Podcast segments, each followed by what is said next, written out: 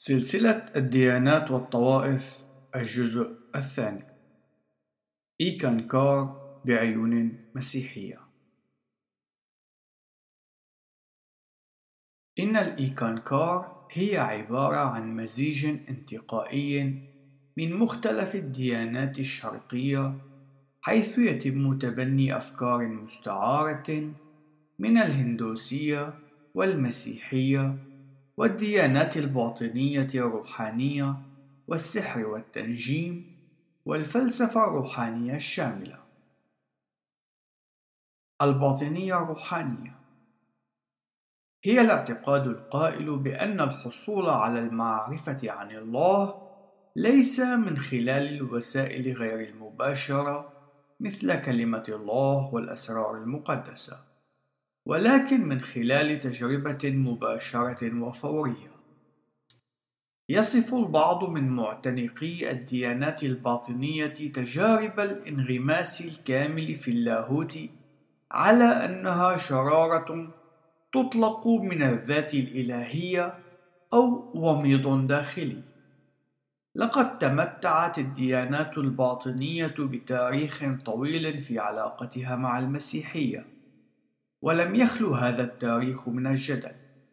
لطالما وجد الباطنيون الروحانيون المسيحيون في كل عصر والند بالند.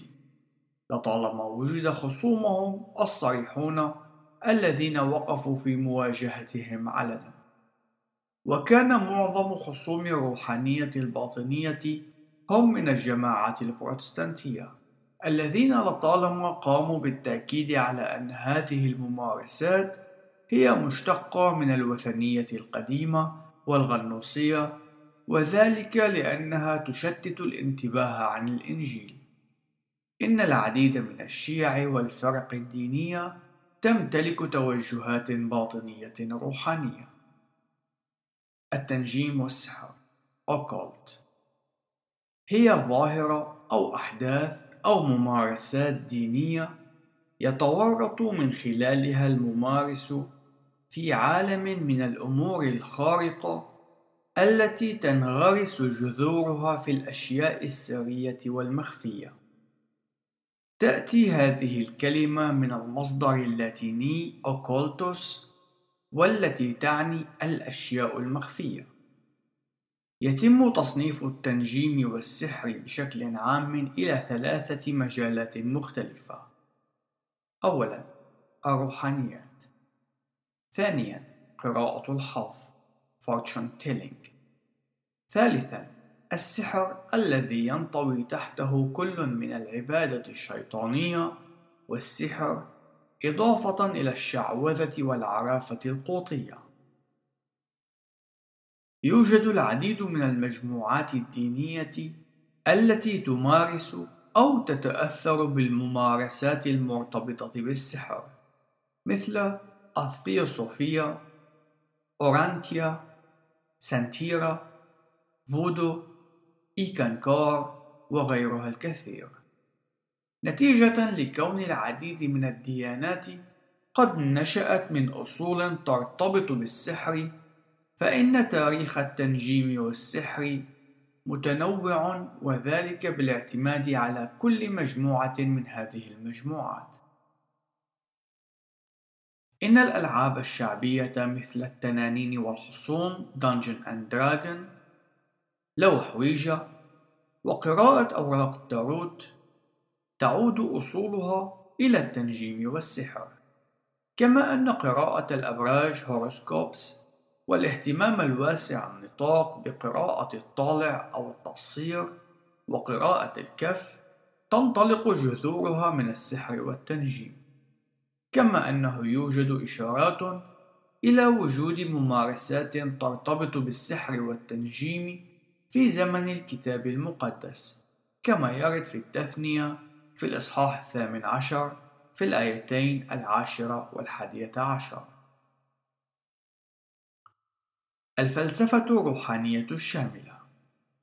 هي النظرية التي تفترض أن كل الطبيعة تمتلك وعيًا، وأنه يوجد بعد عقلي للمادة الجامدة المتواجدة في الكون، وذلك بصرف النظر عن مدى صغر حجمها. التاريخ.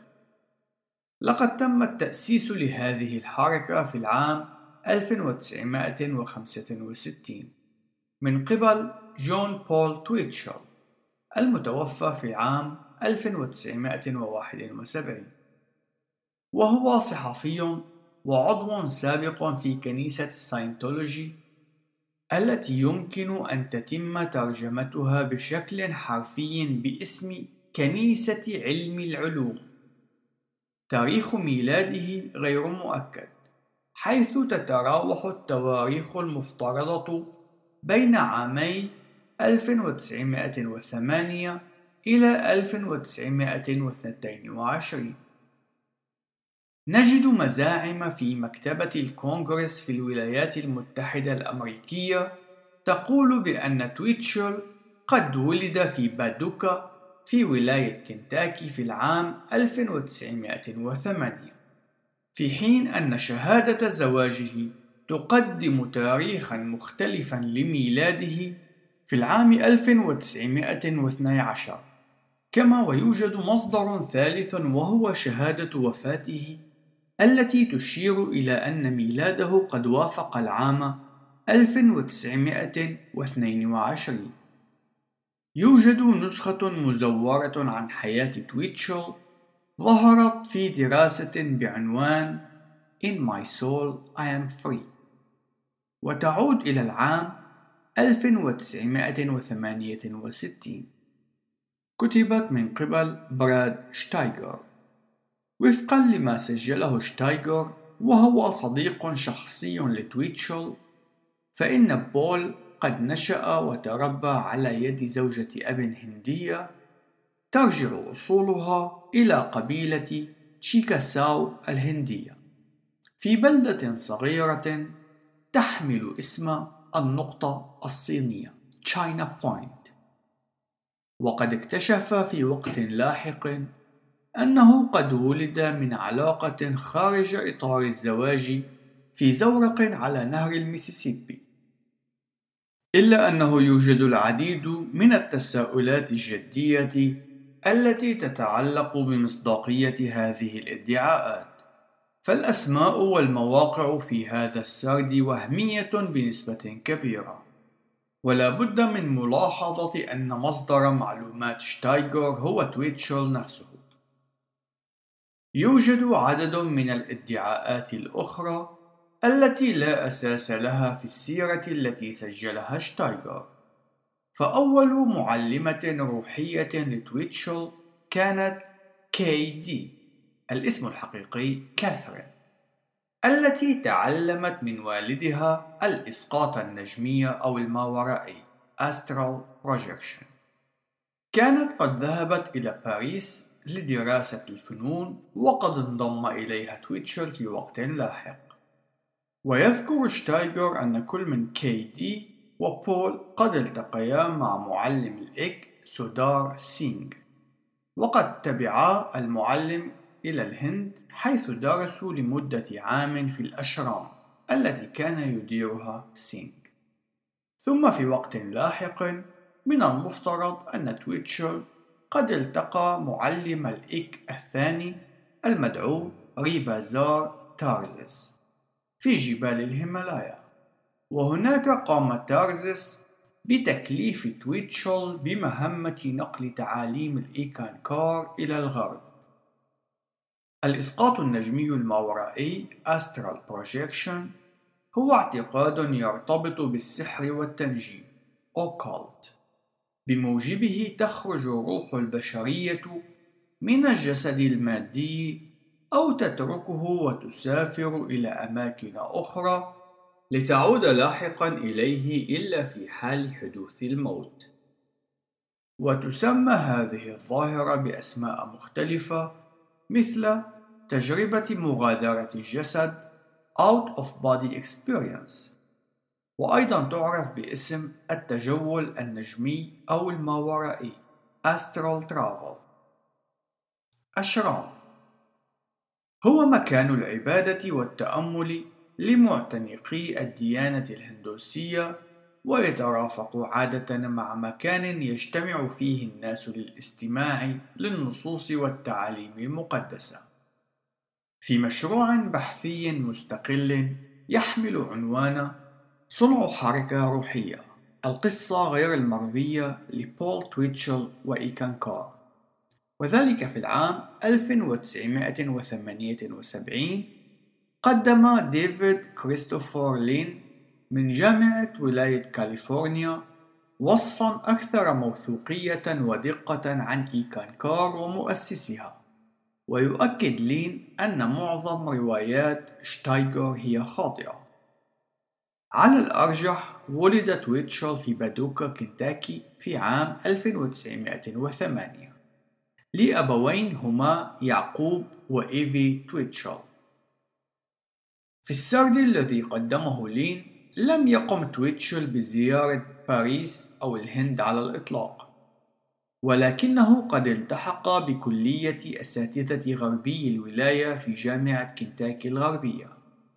وقد مارس كتابة الشعر كهواية ومن ثم انضم في وقت لاحق إلى البحرية الأمريكية.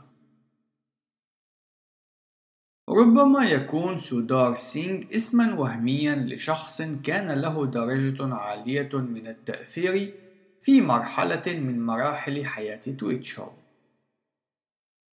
في أغسطس من عام 1942 وأثناء خدمته في البحرية الأمريكية تزوج من كامي بالوي في بروفيدنس في ولاية رود آيلاند بعد استقالته من البحرية انتقل إلى مدينة نيويورك حيث عمل كاتبا ومحررا ثم مراسلا لمجلة Our Navy في العاصمة واشنطن.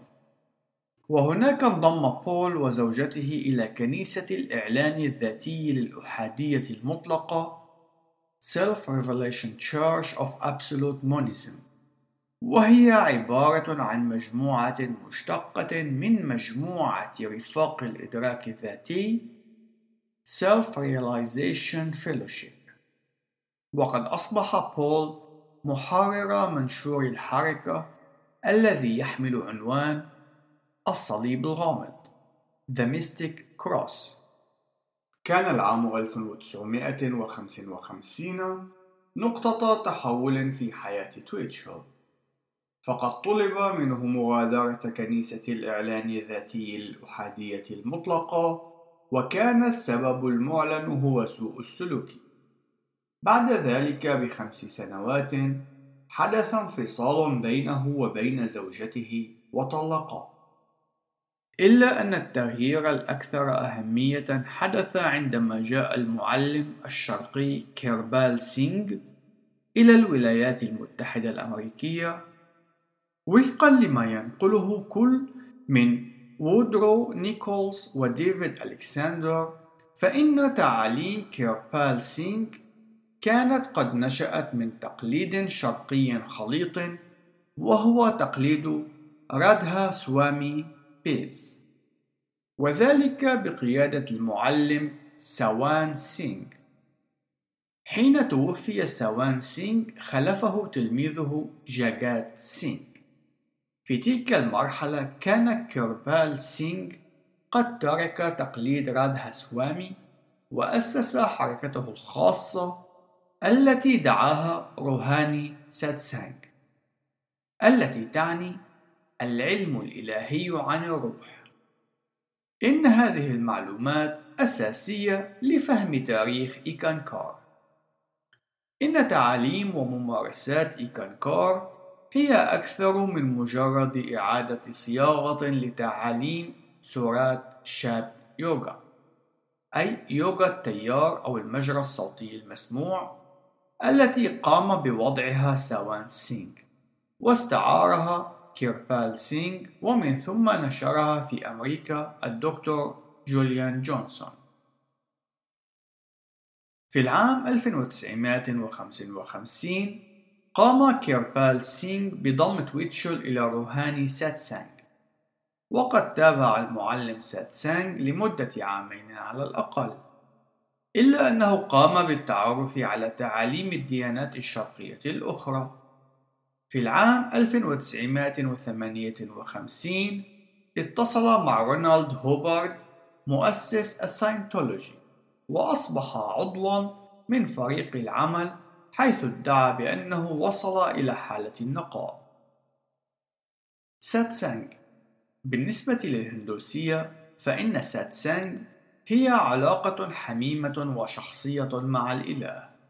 وكان من المطلوب من معتنقي إرسالية النور الإلهي حضور جلسات ساتسانج للمعلم مهراج جي أو الحوارات التأملية التعبدية له. أما في إيكانكار فإن الساتسانج هي فصول يدرس فيها التلاميذ دروسهم الشهرية. المعلم مهراج جي هو الزعيم الروحي ومؤسس إرسالية النور الإلهي المعروفة باسم إيلان فيتال. لافايت رونالد هوبارد 1911 إلى 1986 مؤسس الساينتولوجي. وقد نشر جوهرة فكره في كتابه المعنون الديانية. Dianetics العلم المعاصر للصحة العقلية. في العام 1950 يجمع الكتاب بين الأفكار البوذية وعلم النفس والخيال الإبداعي لكاتب من كتاب الخيال العلمي حيث أن هوبارد كان كذلك. حالة النقاء Clear. مفهوم تقني يرتبط بالساينتولوجي ويشير إلى الشخص الذي تجاوز درجات التحرر. الشخص من هذه الحالة يكون قد سبق وخضع لدورة تنقية في منظمة خاصة متقدمة. الفكرة العامة هي أن العقل الباطن يشبه السبورة المليئة بالتصريحات والمعادلات والبيانات الخاطئة وما شابه ذلك، وهي ما تعرف باسم إنجرام.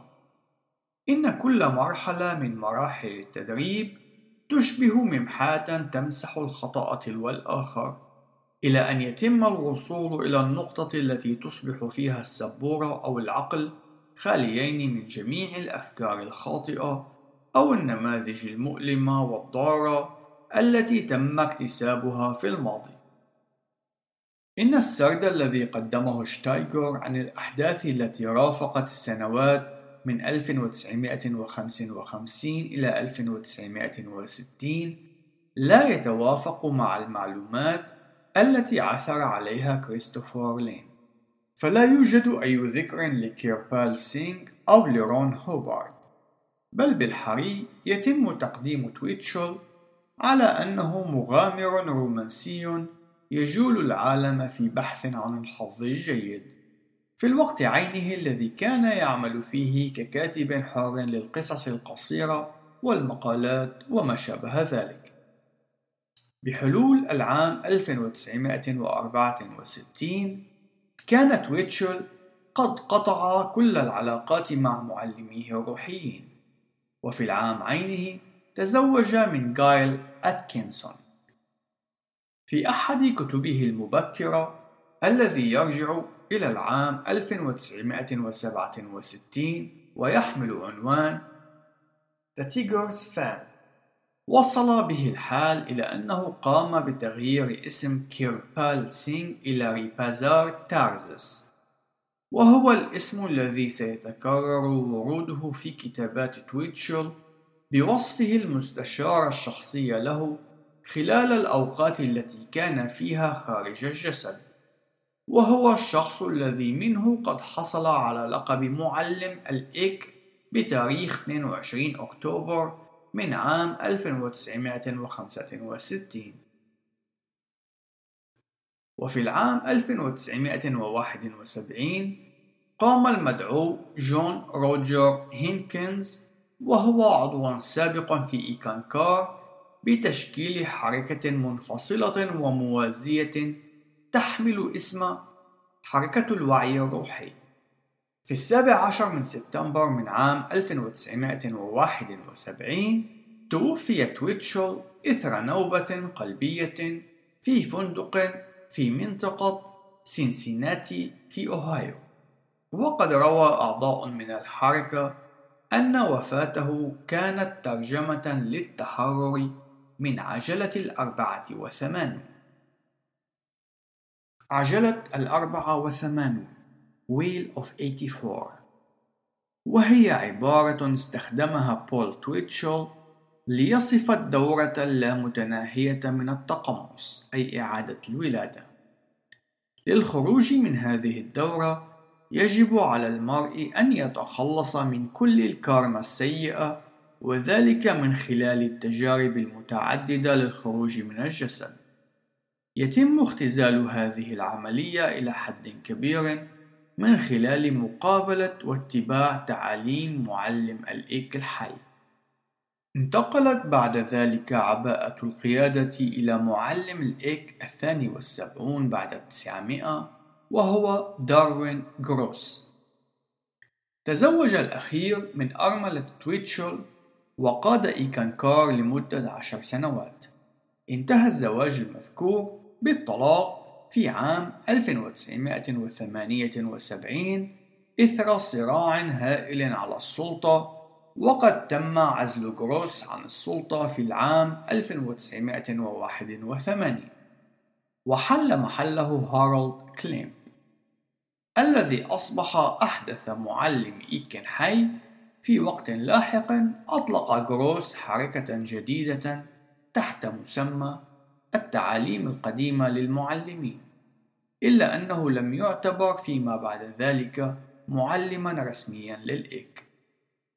داروين جروس هو معلم الإيك الحي الذي يحمل ترتيب 972 وقد خلف بول تويتشل بوصفه زعيما لإيكانكار بعد موت تويتشل في العام 1971 حصل جروس على لقب فخري وهو المعلم الإلهي في عصرنا أروع نموذج للرجال وأنبل النبلاء. هارولد كليم. أصبح المذكور في أكتوبر من عام 1981 معلم الإك الحي الذي يحمل ترتيب 973 في إيكانكار.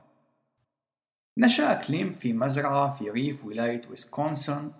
التحق بعد ذلك بالجامعة في ميلووكي وفورت واين في ولاية إنديانا. ثم التحق بالقوات الجوية الأمريكية. اعتقد كليم أن دوره ومهمته هما جذب الناس إلى الله. كان دائم الانشغال بالسفر وعقد الندوات وكتابة الكتب وإرسال الرسائل. من ميزات أسلوبه التعليمي الفكاهة والتطبيق العملي. نجح كليم في إضفاء الطابع الغربي على حركة إيكانكار وقد أكد على أهمية مشاركة الناس في خدمة المجتمع. يعتبر الثاني والعشرون من أكتوبر من عام 1990 أهم موعد في التاريخ الروحي لقادة الإك وأعضائها. حيث أنه قد تم تكريس معبد الإك في تشانهاسن في ولاية مينيسوتا. وفي العام عينه وضع المؤتمر العالمي للمجموعة خططا لبناء حرم جامعي روحي. وفي سبتمبر من عام 2000 حصلوا على الموافقة لبناء الحرم الجامعي الذي يتضمن معبدا حيا لاحتفالات الإيكانكار الخارجية ومركزا روحيا جديدا. المنظمة.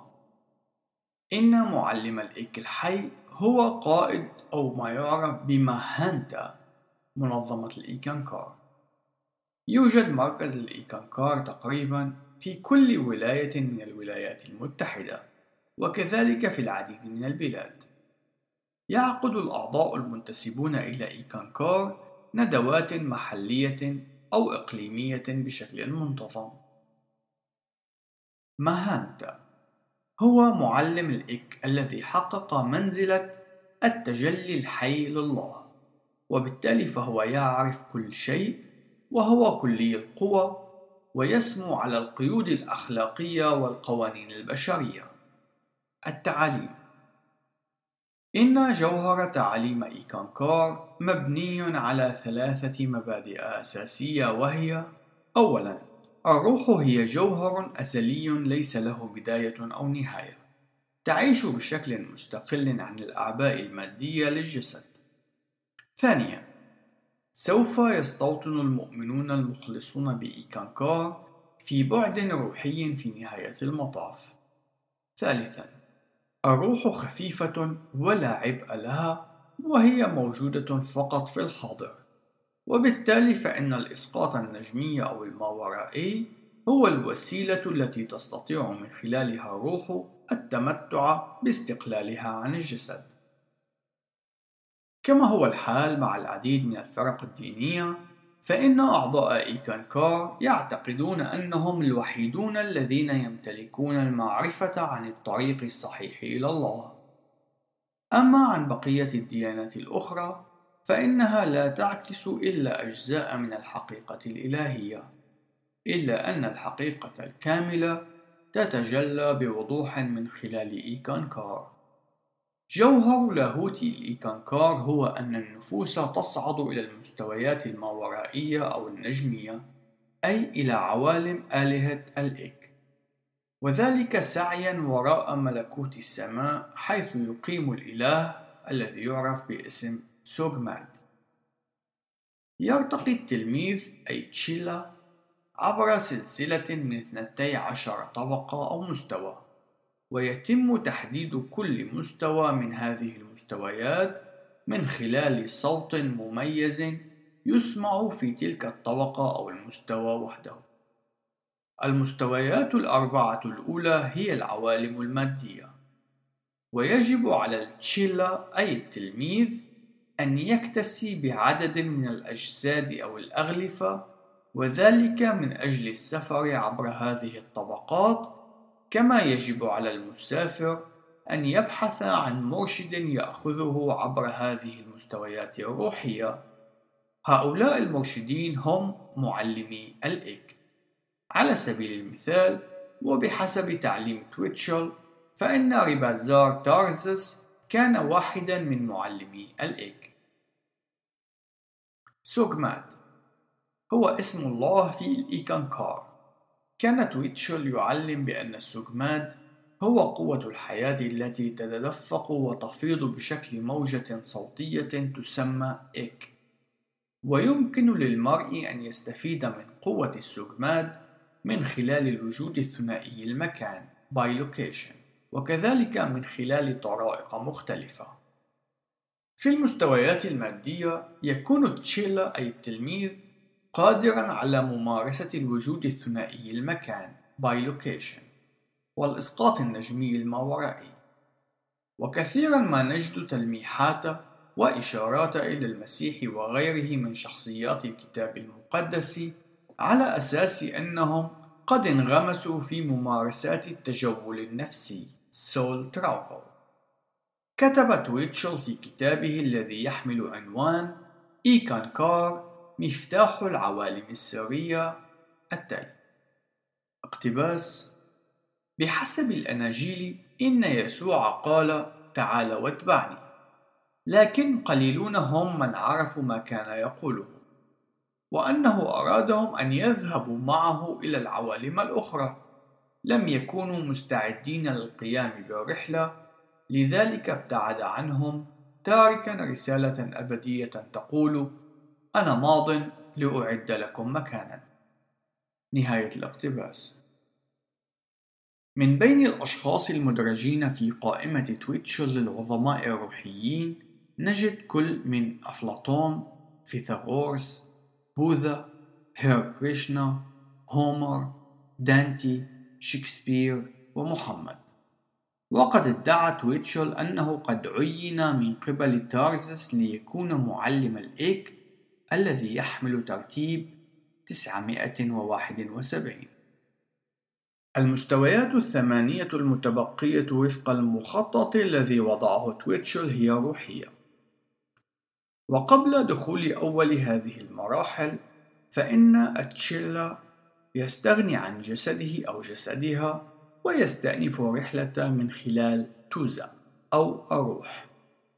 ويسكن الإله الذي يعرف باسم سوغماد في أعلى المستويات. إن أعظم طموحات أتشيلا أي التلميذ هي أن يصبح أحد الأشخاص الصامتين الذين يخدمون سوغماد في إدارة الأكوان وتطبيق قوانينه وأنظمته. لذلك فإن هدف الشخص المخلص لتعاليم الإيكانكار لن يكون أن يصبح إلها ولكن أن يصبح معاونا للإله في عمله. وهذا هو المعنى الأساسي لمصطلح إيكانكار. الوجود الثنائي المكان bilocation واحدة من الطرق التي يمكن من خلالها لمعتنق الإيكانكار أن يتقابل مع سوغماد والوجود الثنائي هو أكثر من مجرد إسقاط نجمي أو ماورائي حيث أنها تفترض وجود الشخص في مكانين منفصلين في الوقت عينه. توزا. هو المصطلح الذي يشير إلى الروح في إيكانكار ويمكن للروح أن تنفصل عن الجسد المادي مما ينتج الوجود الثنائي المكان أي bilocation الأشخاص الصامتين. وفق التعليم الأخروي لإيكانكار فإن رجاء أي تلميذ أي تشيلا هو أن يصبح في أحد الأيام واحدا من الأشخاص الصامتين وهم أولئك الذين يخدمون الإله سوغماد ويقومون بتنفيذ إرادته إلى الأبد. تبدأ الرحلة من خلال اتخاذ الخطوات اللازمة بالتدريب باتجاه الهدف المرتجى للتحرر من الجسد المادي. يقوم مرشدو الإيكانكار بتعليم العديد من التقنيات لتمكين التشيلا من الانطلاق في رحلة الروح مثل التأمل وترديد المانترا والتنويم المغناطيسي والتغشي. إضافة إلى حالات الوعي البديل إن الصعوبات التي تواجه الغالبية أثناء سعيهم لإدراك الله هي أعباء الجسد المادي. كما أن العقل يشكل إعاقة إضافية وذلك لأنه يتسبب بإشراك العواطف الخمسة وهي الشهوة والغضب والجشع والمادية والغرور. ويؤدي الاستسلام إلى هذه المشاعر السيئة إلى تراكم الكارما السيئة وهذا الأمر يشابه دينا متراكما يجب تسديده من خلال سلسلة التناسخ أو التقمص. قد يوجد للتجسدات السابقة كارما سيئة لم يتم التكفير عنها بالكامل، ولذلك فإن الرحالة الروحية وفي أثناء بحثه عن إدراك الله قد يواجه إمكانية حدوث دورات لا نهائية من إعادة الولادة أو التقمص. إن الرحالة الروحيون الحقيقيون هم بمثابة أناس خارقين أما أولئك الذين لا ينخرطون في الترحال الروحي فهم بمثابة الحيوانات التي تحارب الله. وفقا لتعليم تويتشل فإن أولئك الذين يعانون من تشوهات جسدية غير قادرين على أن يصبحوا رحالة روحيين. المانترا هي كلمة أو جملة تعطى باللغة السنسكريتية إلى معتنق التأمل التجاوزي خلال طقس احتفالي ويقوم المتأمل بالتأمل في هذا الشعار مرتين على الأقل في كل يوم على الرغم من عدم معرفته بالمعنى الحقيقي لهذه التعويذة. وتقوم المانترا بدور الوسيلة التي يمر من خلالها المتأمل إلى مستويات مختلفة من الوعي ليصل إلى حالة الغبطة المطلقة. في الجمعية العالمية لوعي كريشنا يردد المعتنقون تعويذة معينة باسم كريشنا. يتم استخدام مصطلح المانترا عادة للإشارة إلى الترانيم أو الصلوات الدينية المكررة. التنويم المغناطيسي. hypnotism. كلمة مشتقة من اسم إله النوم اليوناني هيبنوس. التنويم المغناطيسي هو ممارسة تعمل على إدخال الشخص في حالة من الغيبوبة في سبيل تحقيق اللاوعي أو لاستعادة ذكريات الماضي ويستخدم بشكل شائع في السحر والتنجيم. أثناء هذه العملية يؤمن المنوم للعميل إشارة معينة تساعده على التغلب على المشاعر الأولية والخوف. حينئذ تصبح الذكريات حرة في الظهور دون عوائق. إن التنويم المغناطيسي هو ممارسة طبية مشروعة يستخدمها الأطباء كوسيلة في العلاج النفسي. الغشية أو النشوة أو الغيبة. ترانس. هي حالة من الوعي المتغير يصبح بموجبها الشخص مخدرا أي نعسا. وكما هو الحال في التنويم المغناطيسي فإن الشخص الذي يكون في حالة النشوة يختبر الاسترخاء التام للجسم وللقدرات الحركية. كما ويتم زيادة قوى التركيز بشكل كبير. إن الشخص الذي يتغشى أو يمارس التغشي يكون قادرا على الوصول إلى مستويات عميقة من الوعي البديل للعقل الباطن. عادة ما يتم هذا الأمر بمساعد معالج. يمكن للمعالج أن يستخدم ما يعرف بالصور الموجهة، حيث يطلب من الشخص الذي يحاول الدخول في حالة النشوة أو الغشية أن يتخيل صورة معينة ومن ثم يطلب منه أن يقوم بوصفها والحديث عنها. الغرض من ذلك هو تمكين الشخص من التواجه مع جوانب من الماضي الذي يتسبب بالاضطراب النفسي. يشير قاموس هولمان للكتاب المقدس إلى أن الغشية أو النشوة أو الغيبة هي ترجمة لمصطلح يوناني يعني بشكل حرفي تغير المكان. يتم استخدام هذا المصطلح للإشارة إلى الحالة الذهنية للشخص الذي يعاني من رد فعل عاطفي شديد تجاه المحفزات التي يعاينها بوصفها صادرة عن مصدر خارج عنه. حيث أن نتائج هذه الغيبة هي أحاسيس بصرية أو سمعية أو انطباعات حسية مختلفة يمكن أن تكون الغيبة أو الغشية وصفًا للحالة التي يمر بها الشخص عند تلقي إعلانات خارقة للطبيعة. إعلان أو رؤية كما يرد في أعمال الرسل في الإصحاح العاشر في الآية العاشرة، الإصحاح الحادي عشر في الآية الخامسة، والإصحاح الثاني والعشرون في الآية السابعة عشر.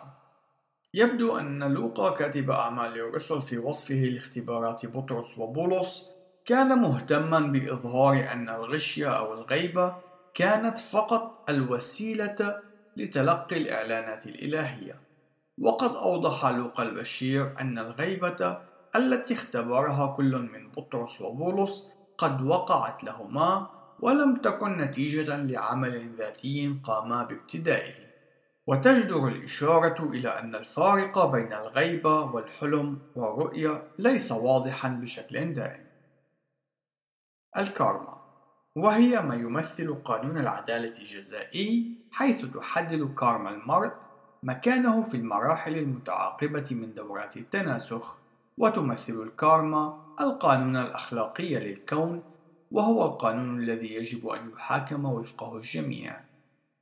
الله وفق إيكانكار.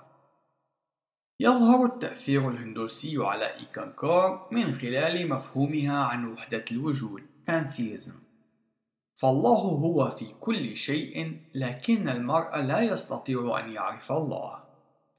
الإله أو السوغماد يستوطن في أعلى المستويات الماورائية أو النجمية والتي تشكل محيطا لا شكل له غير شخصاني وغير متناه من المحبة والرحمة. تتدفق الحياة منه وإليه من خلال مجرى أو تيار الإك إن معرفة الله ليست على ذات الدرجة من الأهمية من المعرفة عن حقيقة الله، فالله ببساطة موجود، ولكنه غير شخصي أي لا يمتلك شخصية، وهو منفصل عن اهتمامات الأفراد. إن الشغل الشاغل للإله غير الشخصي. هذا هو خلود الحياة والإبقاء على وجودها. التقمص أو تناسخ الأرواح. Reincarnation. تترجم بشكل حرفي إلى مجددا في الجسد. وهي الاعتقاد القائل بأن الروح بعد الموت لا تدخل في حالة وجودية أبدية بل تولد من جديد بشكل مادي. يمكن القول بشكل عملي بأن جميع الديانات والفرق والشيع التي اشتقت من الهندوسية تعلم بالتقمص إن كل من حركة العصر الجديد السحر الويكا وسواها تعلم بهذا التعليم. أما المسيحية فهي تعلم بالتجسد أي تجسد يسوع المسيح. وهذا التعليم يقول بأن يسوع كان هو الإله الذي اتخذ طبيعة بشرية. والأشخاص الذين يختبرون ويعيشون الخلاص هم مولودون ثانية وهذا المصطلح يشير إلى الولادة الجديدة وذات الطبيعة الروحية حيث أنهم يولدون بالمسيح وللمسيح بالإيمان. إلا أن الموت الجسدي يفارق بين الجسد والروح فالجسد يذهب إلى التراب إلى وقت القيامة في حين أن الروح تذهب إلى الفردوس أو الدينونة الأبدية ولا تتخذ شكلا ماديا جديدا. مذهب وحدة الوجود Pantheism. أصل هذه التسمية مشتق من الكلمتين اليونانيتين بان وثيوس بان تعني كل وثيوس تعني الله أو إله. أي أن الترجمة الحرفية ستكون الكل الله. إن وحدة الوجود هي الإيمان بأن الله هو كل شيء وكل شيء هو الله. وفق هذا المذهب لا يوجد أي تفريق بين الطبيعة والله فالمادة ليست سوى امتدادا لواقع واحد ويتم تبني أحد أشكال هذا الفكر في الديانة الهندوسية ومشتقاتها. أما بالنسبة للمسيحية فالأمر هو على النقيض مما سبق. حيث يتم تصور الله في علاقته مع خليقته من خلال مصطلحي الحضور والسمو. إن شخصية الله توجد في علاقة إلهية مثلثة الأقانيم بين الآب الخالق والابن الفادي والروح القدس المعزي والمقدس. ولا يوجد ما يشابه هذا المفهوم في إيكانكار. في الإيمان المسيحي يتم التعبير عن وجود الله الكلي من خلال كلمات ومصطلحات مختلفة مثل مصطلح المال الكل على سبيل المثال.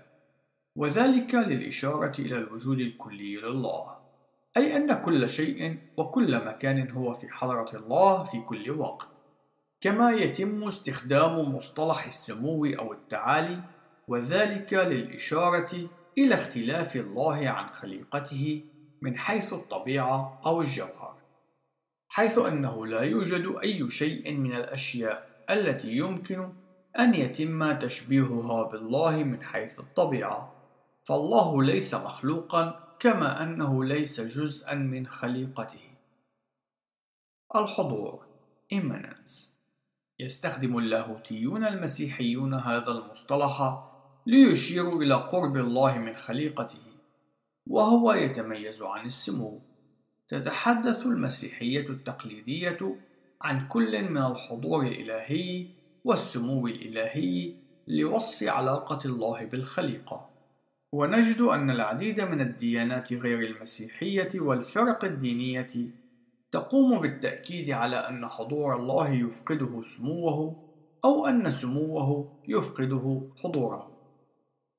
السمو Transcendence تعليم وعقيدة مسيحية تقليدية تقول بأن الله متميز ومختلف عن خليقته. إن هذا الانفصال والتمايز ليس واضحا في الديانات الوحدوية. يسوع المسيح تعلم المسيحية بأن البشر قادرين على معرفة الله لأن يسوع المسيح قد استعادهم إلى علاقة الشركة معه من خلال الموت الكفاري على الصليب والقيامة التي تبعته.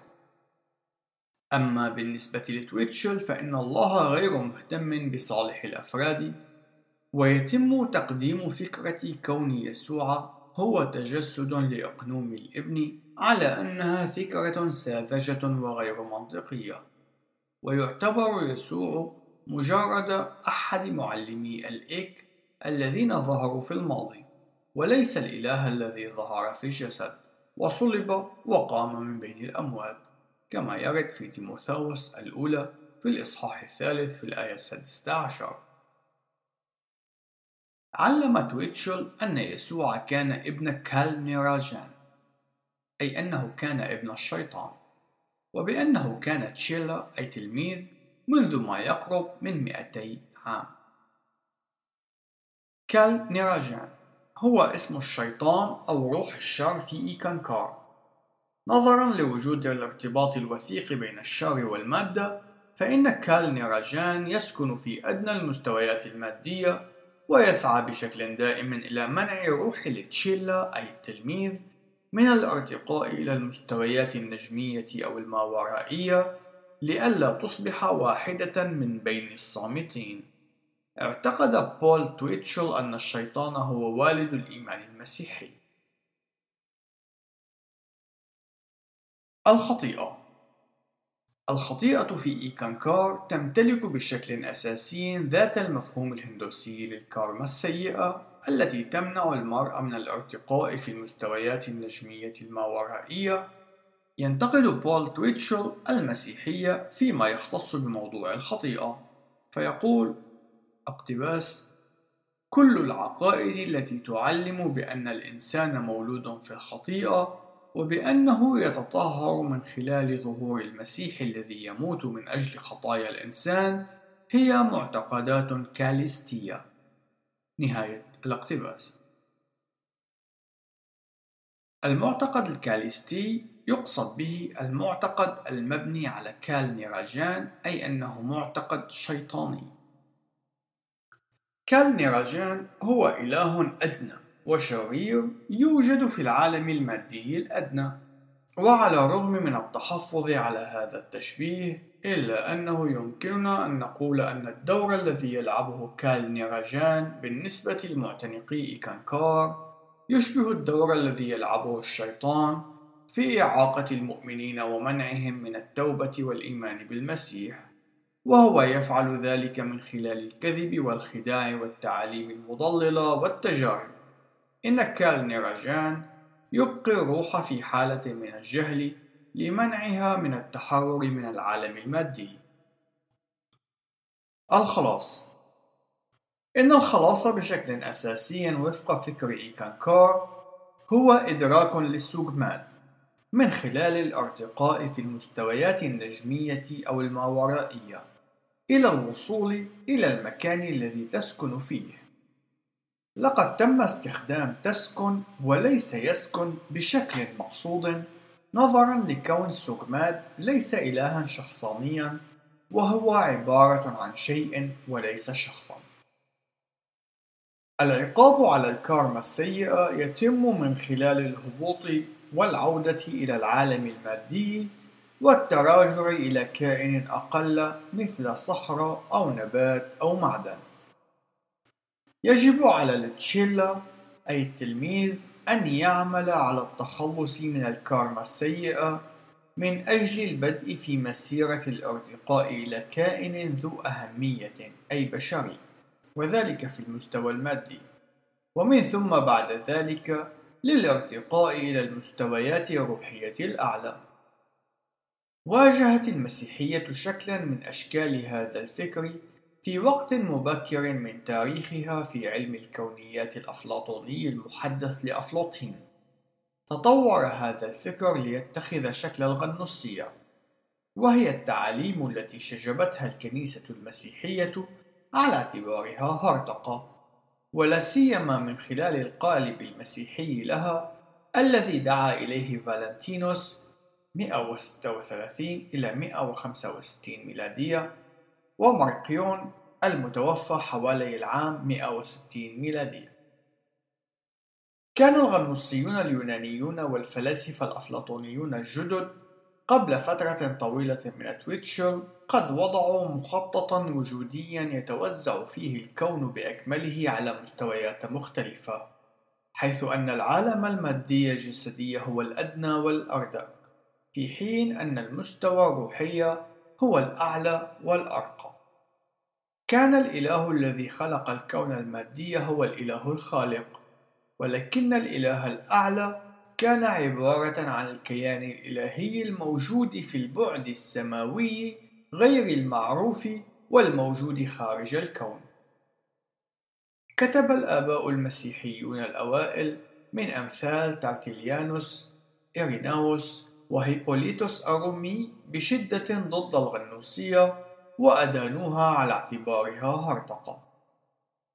الغنوصية Gnosticism يشتق اللفظ من الأصل اليوناني gnosis الذي يعني المعرفة وقد شكل الغنوصيون في القرن الميلادي الثاني شيعة دينية دافعت عن امتلاك معرفة سرية حيث ادعى أنصارها أن هذه المعرفة تجعلهم متفوقين على المسيحيين العاديين. نشأت هذه الحركة من فلسفات وثنية سبقت المسيحية وانطلقت من بابل وسوريا واليونان أي مقدونيا وقد امتلكت الغنوصية تأثيرا كبيرا في الكنيسة المبكرة وذلك من خلال الجمع بين الفلسفة الوثنية وبعض السحر أو التنجيم والديانات الغامضة اليونانية بجانب العقائد الرسولية المسيحية. تشكل النظرة الثنائية الديواليزم الفرضية الأساسية للغنوصية حيث أن الآب الأسمى قد انبثق من عالم الروح الصالح ومنه انبثقت كائنات محدودة متعاقبة وهي الأيونات. واحدة من بين هذه الأيونات هي صوفيا التي أنجبت خالق الكون المادي أي الله الخالق وقد خلق هذا الإله الخالق العالم المادي وبالتالي خلق الشر إضافة إلى جميع الأشياء العضوية وغير العضوية التي تشكله. علم الغنوصيون المسيحيون من أمثال ماركيون وفالنتينوس أن الخلاص يأتي من أحد الأيونات أي المسيح الذي أتى خلسة عن قوى الظلام الشريرة لينقل المعرفة السرية ويحرر الأرواح النورانية الأسيرة من العالم المادي الأرضي إلى العالم الروحي الأسمى. على الرغم من أن المسيح قد ظهر كإنسان إلا أنه لم يتخذ أبدا جسدا بشريا. وبالتالي فإنه لم يختبر العواطف البشرية أو الضعف البشري. تشير البعض من الأدلة إلى نشوء شكل أولي من الغنوصية في العصر الرسولي حيث أنه كان محور العديد من رسائل العهد الجديد مثل كولوسي الرسائل الرعوية يوحنا الأولى. يظهر الجدل الأكبر المضاد للغنوصية من خلال كتابات إيريناوس بين العام 130 إلى العام 200 ميلادية وترتليانوس بين العام 160 إلى العام 225 ميلادية وهيبوليتوس الرومي بين العام 170 إلى العام 225 ميلادية. وقد وصف الغنوصيون بالهراطقة ولطالما تم اعتبارهم كذلك من قبل المسيحيين المستقيمي الإيمان الأوائل. وتخضع الغنوصية حاليا إلى الكثير من الأبحاث وخاصة بعد الاكتشافات التي وجدت في نصوص نجع حمادي في مصر بين عامي 1945 إلى 1946 تدعي العديد من الفرق الدينية والمجموعات التي تتبع السحر أو التنجيم امتلاكها بعض التأثر بالغنوصية القديمة. النظرة الثنائية Dualism مصطلح يستخدم لوصف التشعب الغنوصي والأفلاطوني الحديث بين الروح والمادة وكبديل عن النظرة التوافقية إلى الجسد أو الجسد والروح على أنهما منسجمان يعتقد أصحاب النظرة الثنائية أن الجسد والروح هما في حالة من الحرب بعضهما مع بعض. إضافة إلى ذلك يتم النظر إلى الجسد على أنه شر ويعمل ضد الروح. كان المنويون يمتلكون نظرة ثنائية وقد تأثرت التقاليد النسكية داخل الكنيسة المسيحية بالميول الثنائية. ويوجد العديد من الشيع والفرق الدينية المعاصرة التي تتبنى النظرة الثنائية بشكل أو بآخر. إلا أن المسيحية التقليدية ترفض النظرة الثنائية التي تقول بأن الجسد أو الخليقة هي شريرة في حين أن الروح هي صالحة بل تقول بأن كل الخليقة حسنة جدا لأن الله هو من خلقها. ابتداء من التكوين في الإصحاح الأول في الآية الأولى. كما أن الكتاب المقدس يعلن أن الخطيئة شر وليس الجسد أو المادة كما يرد في رسالة إلى أهل روميا في الإصحاح السابع عشر في الآية السابعة. المنوية مانيكايزم هي الفلسفة التي ابتدأها ماني. وهو فيلسوف فارسي من القرن الميلادي الثالث وقد علم بالثنائية المتشددة التي يوجد فيها صراع أبدي بين النور والظلام الخير والشر الله والشيطان. كان أغسطين قد تبنى الفكر المعنوي في سنواته الأولى إلا أنه بعد تحوله إلى المسيحية في وقت لاحق قدم دفاعا بارعا ضدها. وذلك من خلال إظهار تعليم الكتاب المقدس القائل بأن الله هو المصدر الكلي القدرة لكل الصلاح وبأنه من المستحيل للشر أن يسود وإلا فإن الله لن يكون كلي القدرة. بالنسبة لأغسطين فالشر هو غياب الخير. لقد تمت مواجهة المانوية في الكنيسة في القرن السابع. لكنها عادت للظهور من خلال شيع هرطوقية أخرى مثل الهرطقة البوغوميلية التي ظهرت في القرن الثامن في الإمبراطورية البيزنطية والهرطقة الكاثيرية التطهيرية التي ظهرت في أوروبا بين القرنين الحادي عشر والثاني عشر. تختلف المصطلحات التي استخدمها تويتشل عن تلك الشفرات المبهمة التي استخدمها الغنوصيون القدماء. لكن المفهوم متشابه. وقد حدد تويتشل الخلاص الأعظم على أنه الهروب من عجلة الأربعة والثمانين. تشتمل الحياة وفق تعاليم إيكانكار على أربعة مناسك وطقوس رئيسية تسمى احتفالات الحياة. تشتمل على مراسم التكريس للأطفال شعيرة العبور للمراهقين والشباب حفل الزفاف وحفل التأبين. الخلاصة إن إيكانكار هي في الحقيقة ديانة انتقائية.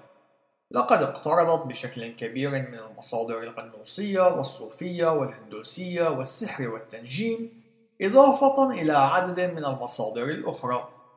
أصدر هارولد كليم عددا من الكتب وهو لا يزال يقوم بإصدار العديد من الكتب والمقالات وهو يسافر حاليا في جميع أرجاء العالم ويقوم بإلقاء المحاضرات وعقد الندوات والتجمعات.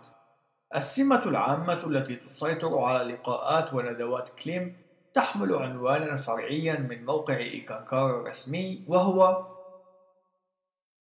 ديانة نور وصوت الله. يتضمن موقع إيكانكار روابط لمواقع إيكانكار الرديفة في 19 دولة على الأقل.